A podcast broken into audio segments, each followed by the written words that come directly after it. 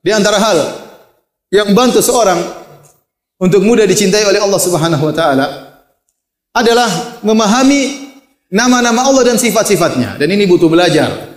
Pepatah Indonesia yang kita kenal semuanya, tak kenal maka tak sayang. Maka mengenal maka menyayangi. Kenapa kita kurang bisa cinta kepada Allah Subhanahu wa taala? Kita kurang mengenal nama-namanya. Apa makna Asy-Syakur? Nama Allah apa maknanya Al-Halim?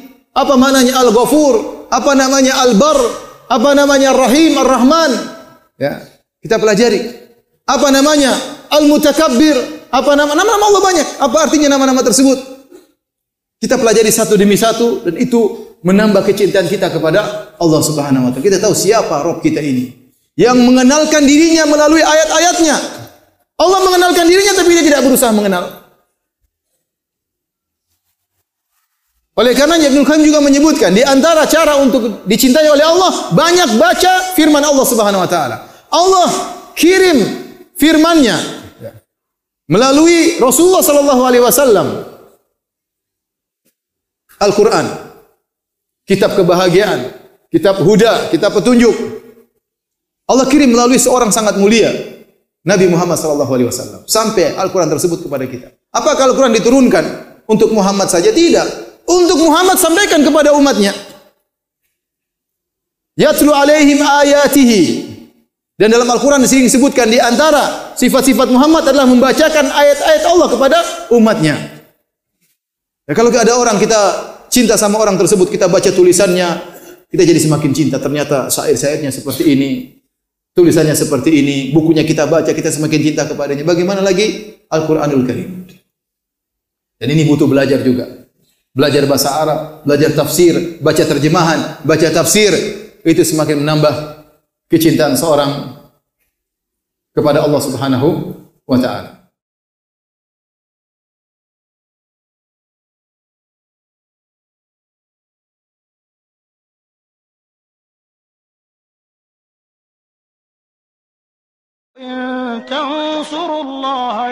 ينصركم ويثبت أقدامكم Kita wajib mentauhidkan Allah Subhanahu wa taala dalam asma dan sifatnya. Kita wajib mengesahkan Allah bahwasanya hanya Dia yang memiliki nama-nama yang maha indah dan sifat-sifat yang maha sempurna. Ini adalah tauhid al-asma wa sifat, salah satu dari pembagian tauhid yang tiga. Tauhid al-asma wa sifat mengandung tiga landasan pokok, tiga prinsip pokok yang harus kita imani. Sehingga kita bisa dikatakan mengimani atau mentauhidkan Allah dalam asma wa sifat dengan benar.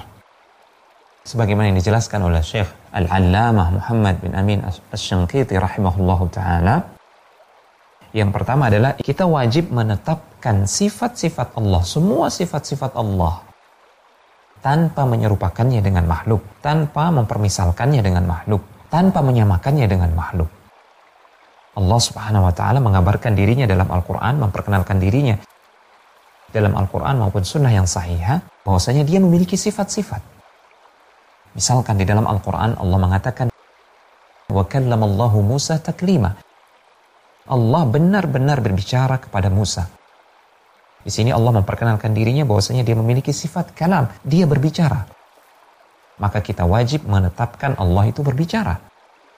Bagaimana dia berbicara? Wallahu ta'ala alam. Kita tidak tahu. Yang jelas Allah itu berbicara sesuai dengan kelayakan, kebesaran, kesempurnaan zatnya yang maha sempurna. Ini wajib kita tetapkan. Di satu sisi kita tidak boleh menyamakan kalamnya Allah atau berbicaranya Allah sama seperti berbicaranya manusia. Dalilnya adalah firman Allah dalam Al-Quran surat Ash-Shura dalam uh, ayat yang ke-11 Allah berfirman Laisa kamitslihi syai'un wa huwa samiul basir. Allah tidak ada satupun yang semisal dengannya. Namun Allah Subhanahu wa taala menjelaskan dalam ayat ini bahwasanya Dia Maha mendengar dan Maha melihat kita wajib menetapkan Allah itu maha mendengar, maha melihat. Tentunya dengan pendengaran dan penglihatan yang maha sempurna. Allah mampu mendengarkan apa saja yang lahir maupun yang batin. Bahkan mampu mendengarkan apa yang menjadi bisikan di dalam hati kita. Allah bahkan mampu melihat yang lahir maupun yang gaib. Allah mampu melihat apa yang tidak bisa dilihat oleh pandangan manusia. Kita wajib menetapkannya dan tidak boleh kita menyamakan penglihatan dan pendengaran Allah Subhanahu wa taala sama dengan penglihatan dan pendengaran makhluknya.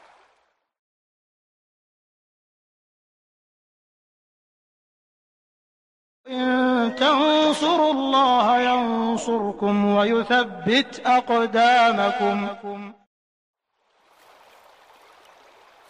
Tauhid al-asma wa sifat mengandung tiga landasan pokok, tiga prinsip pokok yang harus kita imani.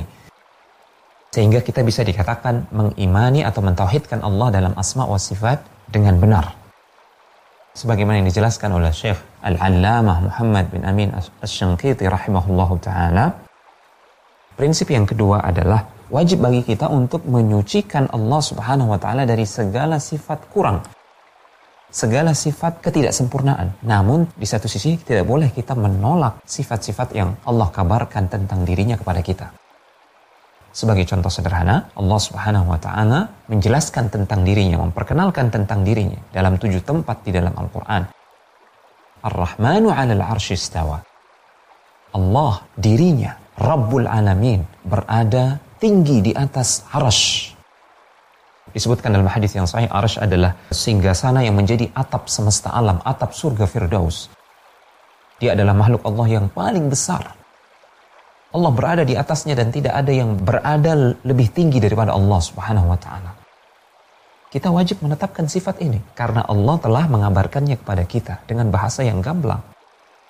Namun di satu sisi kita wajib menyucikan Allah dari segala sifat kekurangan Jangan pernah kita menganggap Allah berada di atas arasnya sama seperti makhluk atau sama seperti raja yang membutuhkan singgasana. Manakala singgasana itu tidak ada, rajanya terjatuh. Waliyahudzubillah. Kita wajib menyucikan Allah dari sifat kekurangan, sifat kurang seperti ini. Allah tidak sama dengan makhluknya. Namun di satu sisi tidak boleh kita menolak kabar dari Allah bahwasanya dia benar-benar berada di atas arasnya, berada tinggi dan maha tinggi, tidak ada makhluk yang lebih tinggi daripada Allah Subhanahu wa taala. Ini prinsip yang kedua. Dalilnya adalah dalam surat An-Nahl ayat yang ke-60 Allah Subhanahu wa taala berfirman, "Lilladzina la yu'minuna bil akhirati mathalus saw walillahil mathalul a'la wa huwal azizul hakim." Dan orang-orang yang tidak beriman kepada hari akhirat, mereka memiliki sifat-sifat yang lemah, sifat-sifat yang tidak sempurna. Sifat-sifat yang bergantung kepada yang lain, sifat-sifat tidak sempurna. Adapun Allah Subhanahu wa taala dia memiliki sifat-sifat yang tinggi, sempurna, tidak butuh kepada makhluk sedikit pun dan dia berdiri sendiri. Dan dia maha perkasa dan maha bijaksana.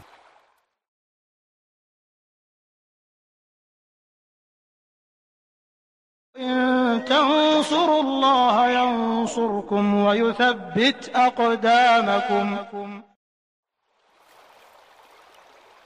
Tauhid al-asma wa sifat mengandung tiga landasan pokok, tiga prinsip pokok yang harus kita imani. Sehingga kita bisa dikatakan mengimani atau mentauhidkan Allah dalam asma wa sifat dengan benar. Sebagaimana yang dijelaskan oleh Syekh Al-Allamah Muhammad bin Amin As-Syanqiti rahimahullahu ta'ala Prinsip yang ketiga dan yang terakhir adalah kita harus memutus hasrat kita atau ketamakan kita untuk mengetahui bagaimana hakikat sifat Allah Subhanahu wa taala karena itu mustahil dijangkau oleh akal kita, mustahil dijangkau oleh kemampuan kita. Namun kita wajib meyakininya. Sebagai contoh Allah Subhanahu wa taala dikatakan memiliki sifat kalam berbicara. Kita wajib menetapkan Allah berbicara dan kita tidak mungkin bisa membayangkan kemahasempurnaan bagaimana Allah berbicara. Kita tidak mungkin bisa membayangkan atau mencerna bagaimana Allah Subhanahu wa taala berada maha tinggi di atas segenap makhluknya dan tidak ada yang lebih tinggi daripada Allah Subhanahu wa taala. Dalam sebuah hadis yang sahih Allah menyebutkan memperkenalkan dirinya bahwasanya Allah turun ke langit dunia di setiap sepertiga malam yang terakhir. Dan itu terjadi setiap malam. Kita tidak bisa menjangkau dengan akal kita bagaimana Allah melakukan hal tersebut. Sementara dia berada tinggi di atas arasnya. Dan itu terjadi setiap malam. Namun kita wajib meyakini Allah maha mampu untuk berbuat apa saja. Allah kuasa untuk mewujudkan apa saja. Dan itu terjadi setiap malam sementara kita tahu pergantian siang dan malam silih berganti setiap hari di semua permukaan bumi ini. Namun kita wajib meyakini sifat Allah dan Allah maha mampu untuk itu. Allah maha mampu untuk tetap berada maha tinggi di atas arasnya. Dan dia turun ke langit dunia di sepertiga malam yang terakhir. Ini bukan suatu yang mustahil bagi Allah subhanahu wa ta'ala. Keinginan kita untuk menggali-gali yang seperti ini. Mencari tahu tentang hakikat bagaimana sih sifat Allah. Kita hanya akan menemukan jalan yang buntu Akibatnya kita akan terjatuh kepada tasbih penyerupaan Allah dengan makhluknya atau kepada ta'til menolak sifat Allah Subhanahu wa taala yang telah Allah kabarkan tentang dirinya. Dalil dari prinsip yang ketiga ini adalah firman Allah Subhanahu wa taala dalam surat Taha ayat yang ke-110. Wala yuhituna bihi ilma. Dan mereka manusia makhluk Allah Subhanahu wa taala itu tidak akan mungkin, tidak akan mampu untuk mengilmui hakikat Allah Subhanahu wa taala. Sebagaimana penglihatan kita terbatas pada hal-hal yang sifatnya eh, zahir di dunia ini. Maka demikian pula akal kita terbatas. Bahkan pada perkara-perkara yang eh, sesuatu yang zahir di dunia ini, di alam semesta ini, akal kita pun ada batasnya maka bagaimana lagi akal kita mampu untuk menggapai hakikat Allah dan sifatnya subhanahu wa ta'ala. Itu adalah suatu hal yang mustahil. Untuk itu kita harus memutus ketamakan kita untuk mengetahui hakikat kaifiat bagaimana sifat-sifat Allah subhanahu wa ta'ala.